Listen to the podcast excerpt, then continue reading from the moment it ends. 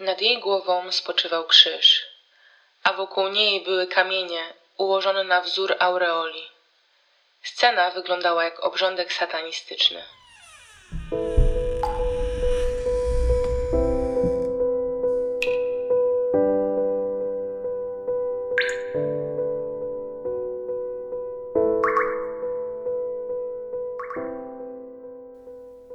Cześć moi drodzy. Dobrze znów się z wami słyszeć. Tym razem zapraszam was na odcinek dość zagadkowy. Jak zauważyliście po tytule, wchodzimy w inny wymiar tematyki kryminalnej. Ale to nie jedyne dziwne zagadnienia. Przebrniemy przez tematy wiedźm, narkotyków i seryjnych zabójców. Będzie mrocznie, trochę niepokojąco. Znajdziecie tu wiele teorii spiskowych, więc jeśli interesują Was takie tematy, to zapraszam do wysłuchania podcastu. Tym razem opowiem Wam historię krok po kroku. Poznamy główną bohaterkę odcinka, a potem przejdziemy do bardziej tajemniczych wątków. Zacznę od przedstawienia Wam właśnie owej dziewczyny, która stała się swego rodzaju czarną legendą miasteczka Springfield Township w stanie New Jersey.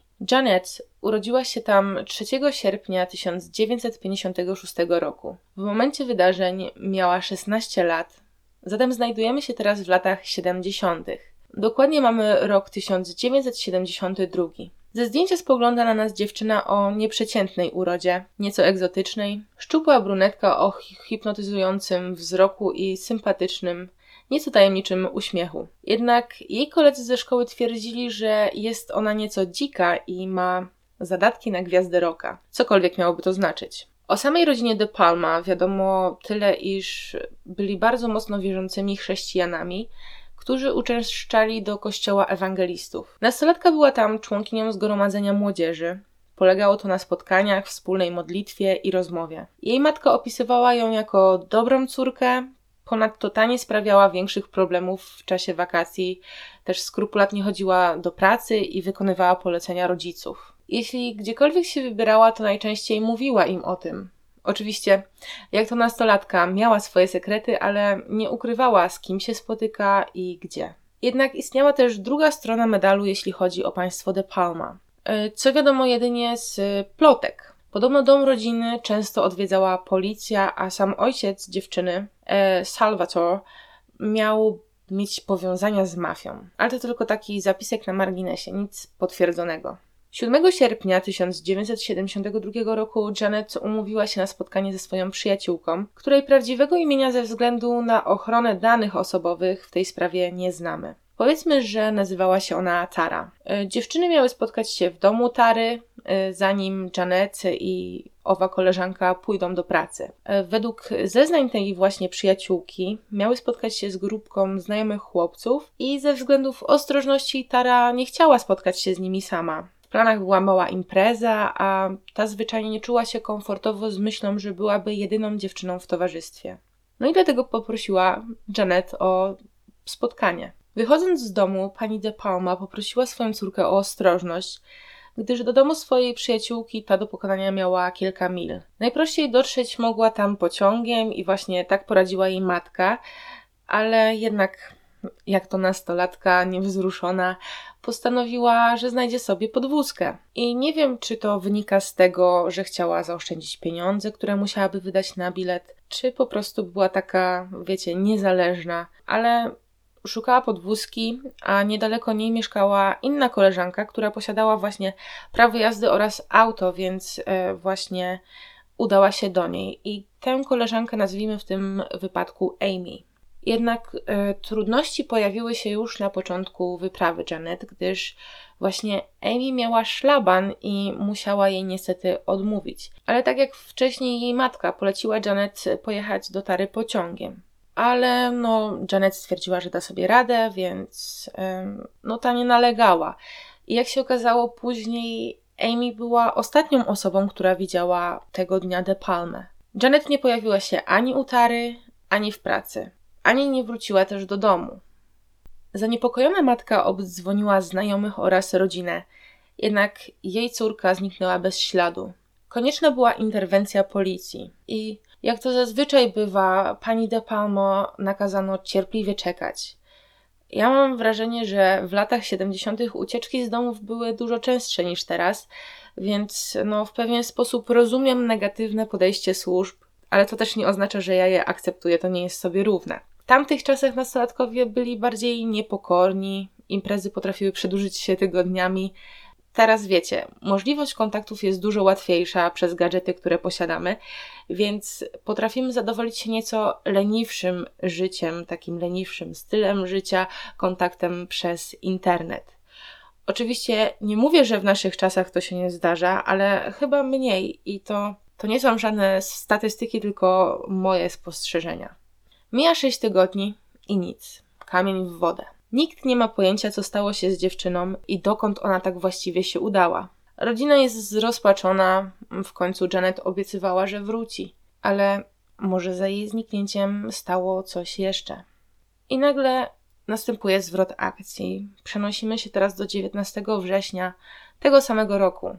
Wydarzenia, o których Wam opowiem, brzmią niczym scenariusz jakiegoś dreszczowca. Zakładam, że wiecie, co robicie na tym podcaście i jesteście przygotowani na taki obraz, więc zapraszam. Wyobraźcie sobie taką scenę.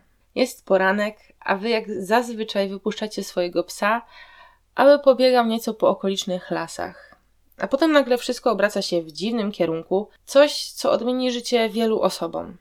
Co poczulibyście, gdyby wasz pies puszczony wolno przybiegł z ludzkimi szczątkami w pysku? Czy uznalibyście to za niesmaczny żart, a może niewyobrażalny zbieg okoliczności?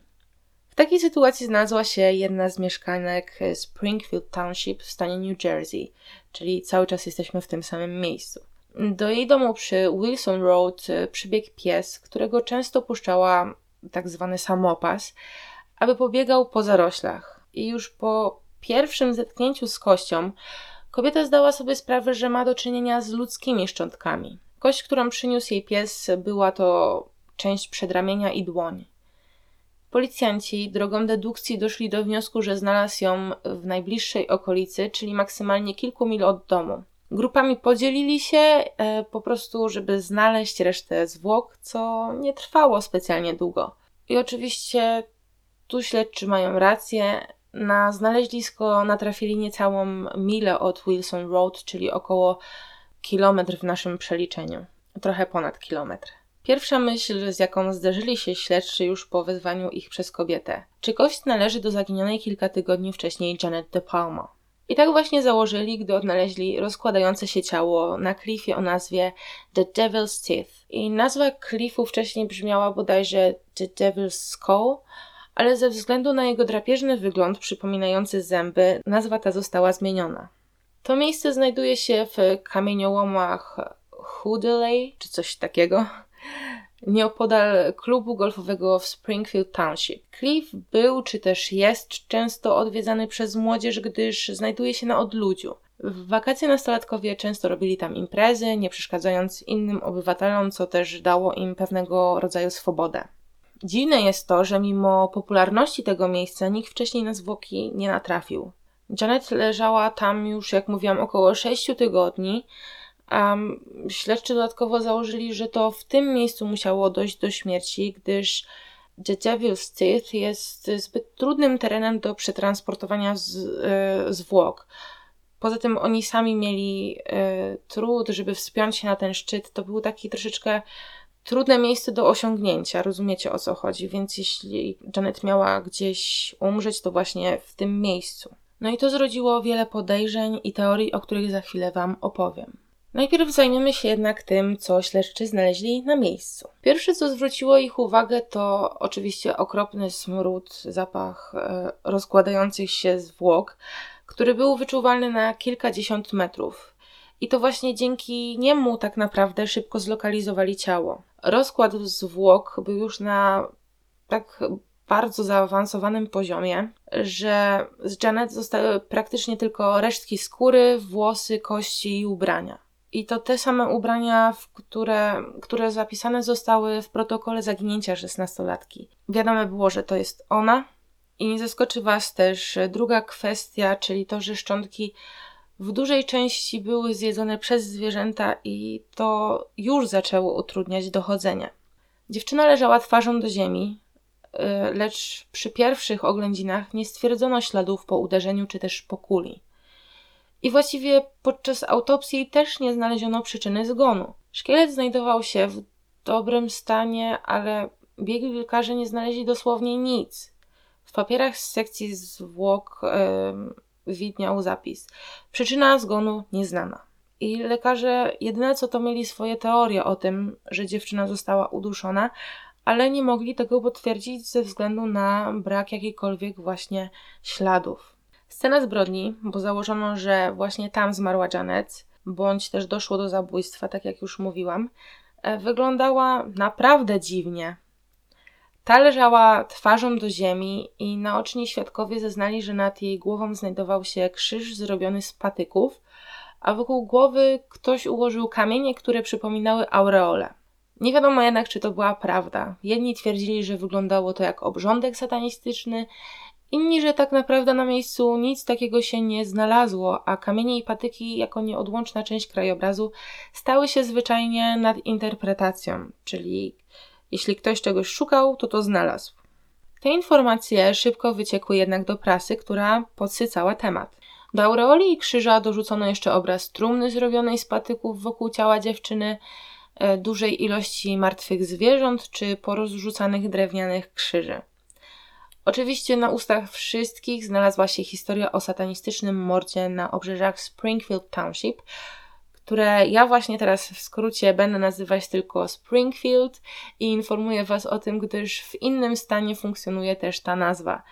Pamiętajcie, że rozmawiamy o miasteczku znajdującym się w New Jersey. I teraz mała dygresja związana z dzisiejszą historią, bo może nie wszyscy wiedzą, że w latach 80. w USA nastąpiła zbiorowa panika, jeśli chodzi o okultyzm i satanizm. O tych dwóch tematach właśnie będziemy rozmawiać. E, społeczeństwo bało się tego tematu, tym bardziej, że często zbrodnie określane jako przestępstwa seksualne, czy też te związane z, z jakąkolwiek fizycznością podciągane były pod te kategorie. I dużo mówiło się o dziecięcej pornografii, wykorzystywaniu nieletnich i składaniu młodzieży w ofierze. I ta pokrótce przedstawiona przeze mnie definicja ma swoją nazwę Satanic Ritual Abuse. Wgłębić się w ten temat możecie na Wikipedii. Bądź co bądź, temat ten budził wiele kontrowersji, a przede wszystkim coś w rodzaju psychozy społeczeństwa. Satanic Panic, bo tak określa się to zjawisko, działało dosłownie na wszystkich. Nikt nie wiedział tak naprawdę z czym to się je i wszelkie napaści kategoryzowano jako wątki satanistyczne. I mimo iż największe boom pojawiło się w latach 80., to już wcześniej mniejsze społeczności przejawiały lęki przed y, demonicznymi kultami.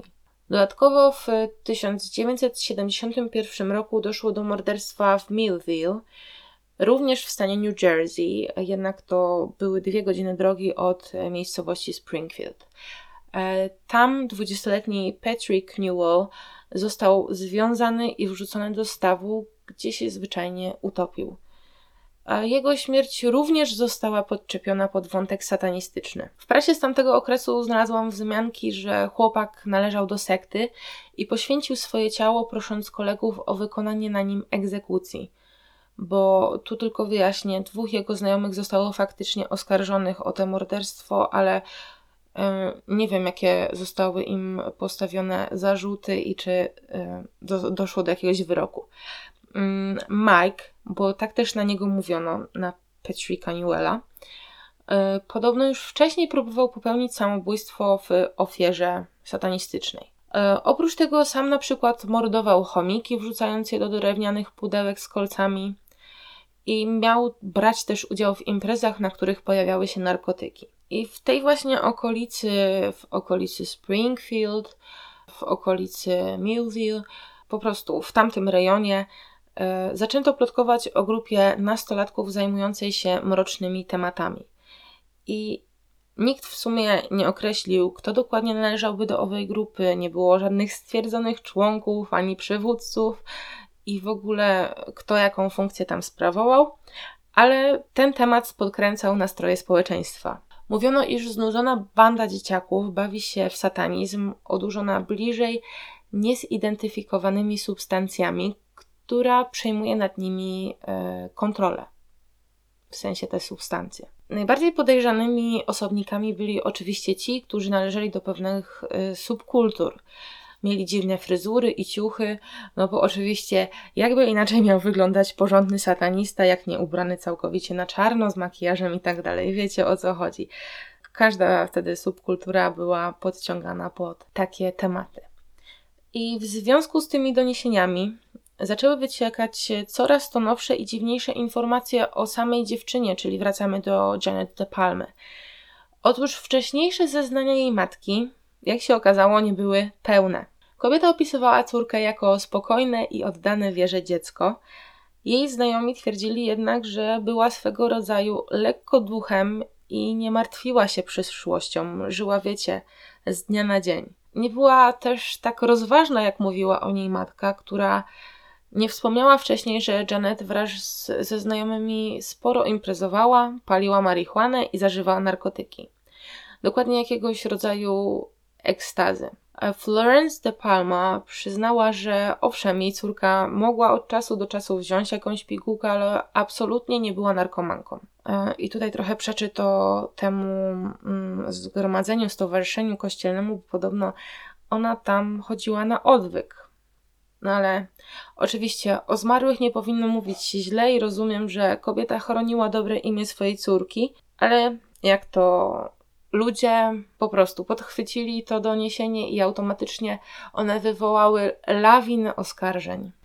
Nie mówiono już jedynie o sekcie satanistycznej, ale wszedł tutaj kolejny level, gdyż oskarżono Janet o bycie czarownicą. I nie, to nie jest żart. Tamta społeczność była w jakiś sposób zaznajomiona z tym tematem, gdyż w Stanach e, wiedźmy są, jak wiecie, popularne po dziś dzień. Tam ludzie teraz traktują je jak coś w rodzaju promocji danego regionu, jednak kiedyś wzbudzało to ogromną panikę i starano się unikać osób mniej i więcej podejrzanych o zabawy z czarną magią. Serio.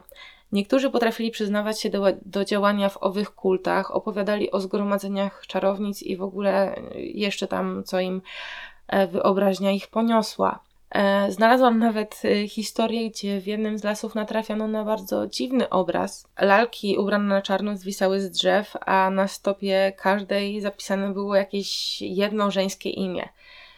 I tej sprawy, o której e, wspominam w tej chwili, nigdy nie wyjaśniono, nie wiadomo kto to zrobił i po co, ale to nie znaczy, że takie wydarzenia nie rozsiewały swego rodzaju paniki. I plotki w Springfield zaczęły nabierać niesamowitą formę.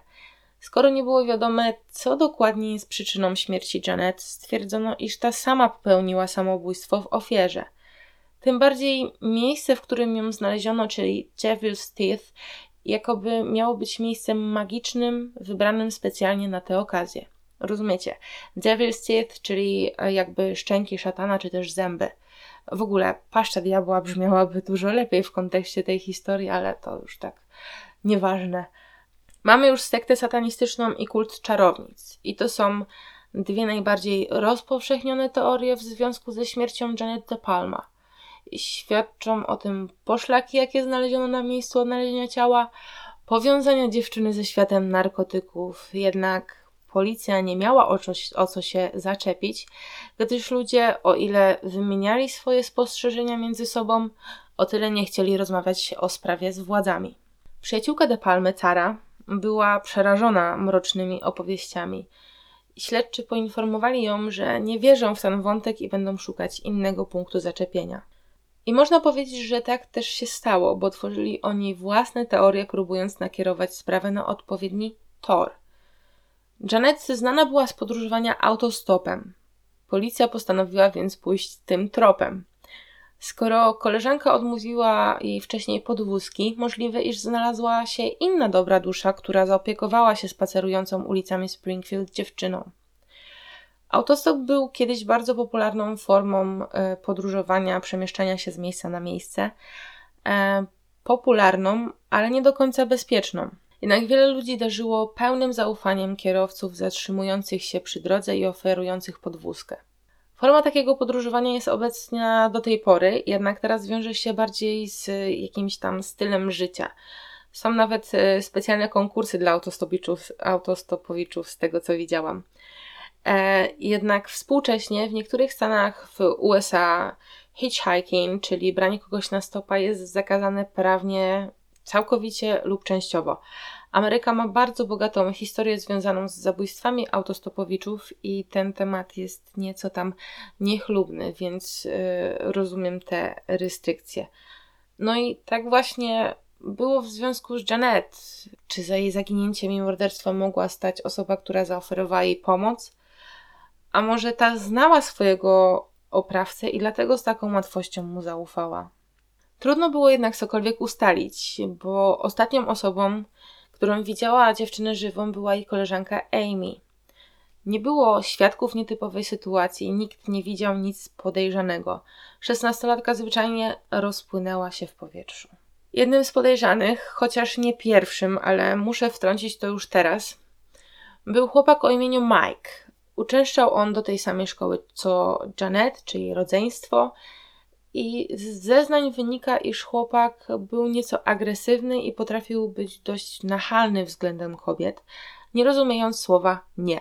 Mike podobno często zabierał swoim autem siostry De Palma, Janet i Cindy, kiedy te potrzebowały podwózki. Chłopakowi podobno podobała się szesnastolatka i część osób zastanawiała się po prostu, czy nie był on powiązany w jakiś sposób z jej śmiercią. Mieszkał niedaleko Amy, mógł z łatwością zaczepić Janet i zaproponować jej podwózkę. Poza tym jeździł on samochodem o dość specyficznym kolorze, coś w odcieniach pomarańczy, takiej czerwonej pomarańczy, ale y, mówię o tym dlatego, gdyż właśnie taki samochód widział jeden z policjantów niedaleko kamieniołomów y, tego dnia. Kamieniołomów, czyli y, oczywiście klifu Devil's Teeth. Sama Cindy De Palma uważała, że to Mike był mordercą jej siostry, ale faktycznie nie uzyskała niczyjego poparcia w tej kwestii. A pierwszym oficjalnym podejrzanym stał się mężczyzna o pseudonimie Red. Na policję zgłosił się pewien mieszkaniec Springfield, który twierdził, iż ma pewne obawy co do pustelnika mieszkającego w lesie.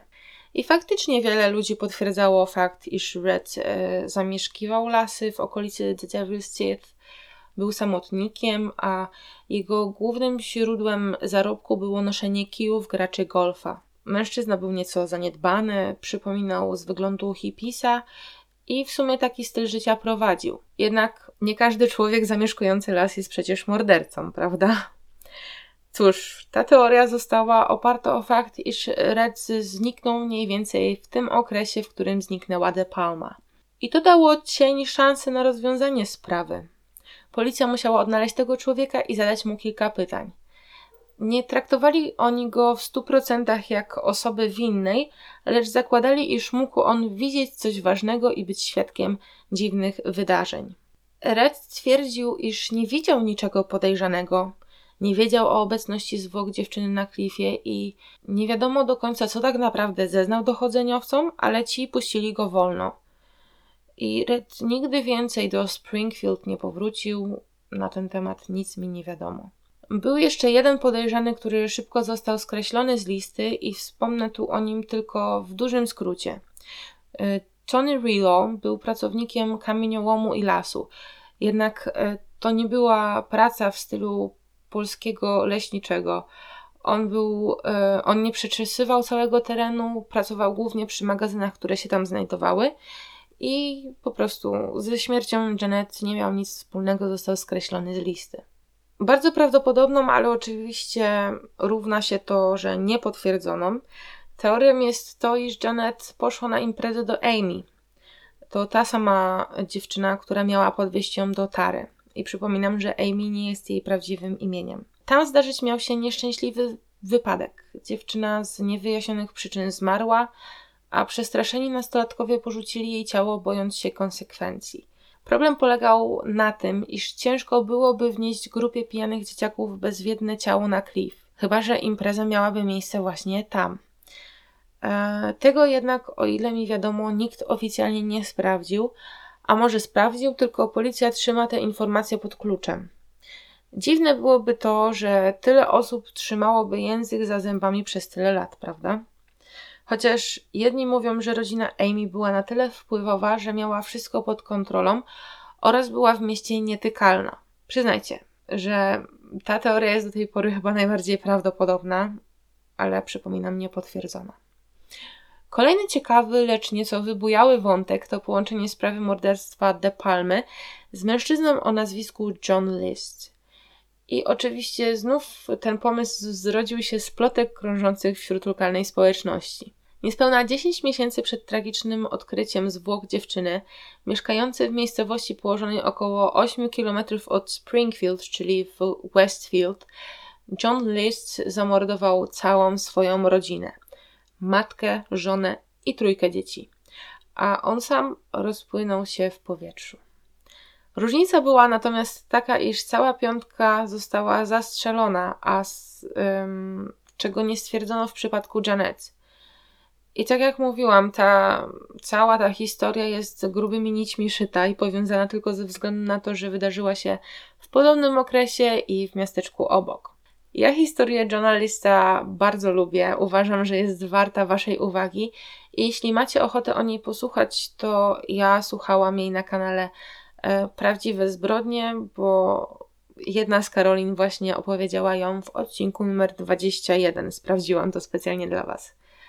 Okej, okay, tyle tropów już za nami, ale to jeszcze nie koniec.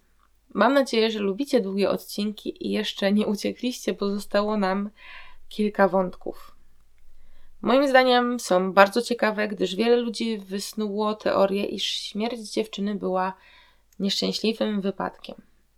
Mieszkańcy Springfield wiedzieli bowiem, że na terenie kamieniołomów lokalna policja często robi ćwiczenia ze strzelania.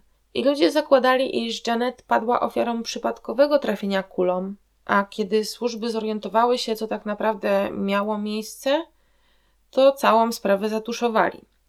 Świadczyć miałyby o tym niejasne wyniki sekcji zwłok, gdzie nie było konkretnej przyczyny zgonu, czy fakt, że ciało przez sześć tygodni nie zostało absolutnie napotkane przez kogokolwiek. Czy policja sama podrzuciła tam Janet, a potem nastąpiło niesamowite odkrycie? Tego nie wie nikt. Tak samo jak nikt nie może potwierdzić historii o nieszczęśliwej miłości, bo i taka przejawia się w tym naszym opowiadaniu, Ludzie plotkowali o synu jednego z policjantów, synu George'a Parsera. I tu podobno chłopak darzył Janet ogromną sympatią, jednak nieodwzajemnioną. Po zaginięciu dziewczyny nastolatek sam popełnił samobójstwo, co miałoby świadczyć o jego powiązaniu z morderstwem. Wiecie, skoro plotki o satanizmie z czasem ucichły, trzeba było obrać nowy kierunek. Ta historia nie jest jednak do końca sprawdzona, gdyż podobno chłopak miał się dobrze w tamtym czasie i żadnego samobójstwa nie popełnił. Skąd wzięła się więc ta informacja? Ano podobno na samym komisariacie policjanci, nie wiedząc w którą stronę ruszyć, sami wysnuli owy spisek, a oskarżenia rzucili w tę stronę, gdyż Parsera nikt nie lubił, e, w sensie ojca tego chłopaka, więc wymyślili całą tę szopkę.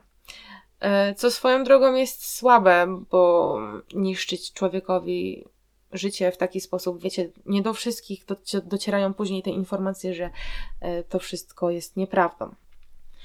Do 2002 roku sprawa, o ile nie zamknięta, leżała w aktach policyjnych nieruszona i stygła.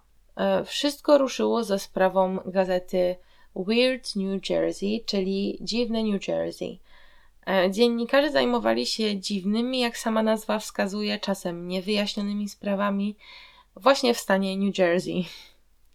Kiedy opublikowali artykuł w swojej gazecie na temat Janet, ludzie, którzy wcześniej milczeli, nagle postanowili powiedzieć, co wiedzą. Niektórzy pisali anonimowo, inni podpisywali się, e, a czasami w ogóle zostawiali w listach kontakt zwrotny. Wyglądało na to, że ta mała społeczność, mimo upływu 30 lat, wciąż żyje niewyjaśnioną zagadką śmierci na The Devil's Teeth. Oczywiście powielały się teorie o wiedźmach, satanistach i podejrzanym tuszowaniu sprawy przez policję. Kilka wiadomości było naprawdę ciekawych, bo na przykład wtedy wypłynęła ta cała informacja o imprezie w domu Amy i y, ludzie przyznawali, że wiedzą coś na ten temat, ale się boją itp. itd. Dziennikarze podjęli się śledztwa kryminalnego związanego z tą zagadką. Byli bardzo zafrapowani historią Janet i chcieli znaleźć jak najwięcej poszlak, które właściwie mogłyby przyczynić się do rozwiązania sprawy. Starali się dotrzeć do osób, które mieszkały w tamtym czasie w Springfield i miałyby coś ciekawego do powiedzenia. I taka ciekawostka, bo w związku z tym śledztwem w 2015 roku wydana została książka Death on the Devil's Teeth, która jest przewodnikiem kryminalnym po sprawie De Palmy. Znajduje się tam historia zebrana od A do Z oraz poszlaki i teorie. I ja na tę książkę natrafiłam na internecie, tylko nie na pełną, więc e, jeśli mielibyście ochotę ją przeczytać, no to e, poznać więcej szczegółowych e, danych właśnie z tej opowieści, z tej historii, to zachęcam. Jest opowiedziana w taki, trudno powiedzieć, że przyjemny sposób, ale ale fajnym językiem. I tak, właśnie z tej książki możemy dowiedzieć się o ciekawym wątku, ostatniej już teorii w tym odcinku. 15 sierpnia 1972 roku, czyli około tydzień po zaginięciu Janet, 24-letnia John Kramer y, również przepada bez wieści. Dziewczyna odwiedzała swoich rodziców, gdyż była studentką i zwyczajnie z nimi nie mieszkała. Mieszkała gdzieś tam koło uniwers Uniwersytetu Columbus. John była w barze, gdzie pokłóciła się ze swoim chłopakiem i postanowiła wrócić do domu. Jeszcze przed zaginięciem skorzystała z budki telefonicznej i opowiedziała o całej sytuacji swojej koleżance. I ta koleżanka właśnie nalegała, aby John wezwała taksówkę i wróciła do domu rodzinnego. I teraz znów pojawia nam się wątek autostopu. E, Kramer ostatni raz widziana była przez dwie osoby: kobietę mieszkającą w okolicy oraz mężczyznę. I faktem jest, iż oboje widzieli ją e, w tym samym czasie, jednak z dwóch różnych perspektyw. Kobieta stała po jednej stronie ulicy i widziała dokładnie kierowcę samochodu, a mężczyzna z drugiej dziewczynę wsiadającą do auta. Po kilku tygodniach ciało John Kramer e, zostało odnalezione w miejscowości Union Township, 8 km od miejsca, gdzie znaleziono Janet, czyli całkiem niedaleko siebie. Zwłoki znajdowały się w podobnej pozycji co u De Palmy, czyli twarzą do ziemi oraz na zalesionym terenie. 24-latka została uduszona, a jej ciało miało być e, kompletnie rozebrane, czyli tutaj troszeczkę inaczej niż u Janet, bo u Janet podobno brakowało jedynie butów, a tu dziewczyna była naga. I tak, e, skradziono jej naszyjnik, a co ciekawe, e, u Janet również brakowało naszyjnika, to była jedna skra skradziona jej rzecz. Sprawa Kramer została jednak szczęśliwie rozwiązana, ale nie było fizycznych dowodów na to, aby sprawca był powiązany ze śmiercią Janet. Co ciekawe, te dwie dziewczyny nie były jedynymi odnalezionymi brutalnie zamordowanymi w okolicy. Na przestrzeni kilku lat odnotowano inne zaginięcia i śmiertelne ofiary. A jeśli będziecie zainteresowani, to może kiedyś opowiem o domniemanym seryjnym mordercy z New Jersey, jeśli też znajdę odpowiednią ilość materiałów, więc dajcie znać. I ostatnią informacją, jaką udało mi się znaleźć, jest artykuł z 2019 roku zatytułowany Sędzia odrzuca badanie DNA ciuchów Janet De Palma. Podobno na ciuchach, które ubran, w które ubrana była dziewczyna, znajdowały się obce materiały DNA, jednak raport z lat 70. to wykluczał. Do testów faktycznie nie doszło i jak wypowiedział się prywatny detektyw badający tę sprawę, on chce tylko dowieść prawdy, gdyż Janet nie ma głosu i nikt o nią nie walczy. Salzano mówi też, że są ludzie, którzy wiedzą, co się stało, ale wciąż milczą ze strachu. I w tym roku minie 48 lat od śmierci dziewczyny. Nadal nie wiadomo, co dokładnie było przyczyną jej śmierci i kto jest za nią odpowiedzialny. Patrząc na te wszystkie teorie, aż ciężko stwierdzić, która z nich jest najbardziej prawdopodobna. Ja mam mieszane uczucia, wykluczając oczywiście mordy sakralnej czarownice. I chętnie poznam Wasze zdania na ten temat. Może sami wpadliście na jakąś inną ciekawą teorię. I o ile dotrwaliście do końca, oczywiście, Jeśli tak, to chciałam Wam podziękować za to, że tu jesteście i za ogromną ilość komentarzy, jaką zostawiliście pod ostatnimi filmami. Miło było mi czytać tak pozytywne wypowiedzi i wiele razy uśmiechnęłam się na Wasze słowa. Dajecie mi ogrom motywacji. Oby tak dalej. Pamiętajcie, że jeśli macie jakieś ciekawe spostrzeżenia, rady bądź propozycje historii, to ja przyjmuję to wszystko na klatę.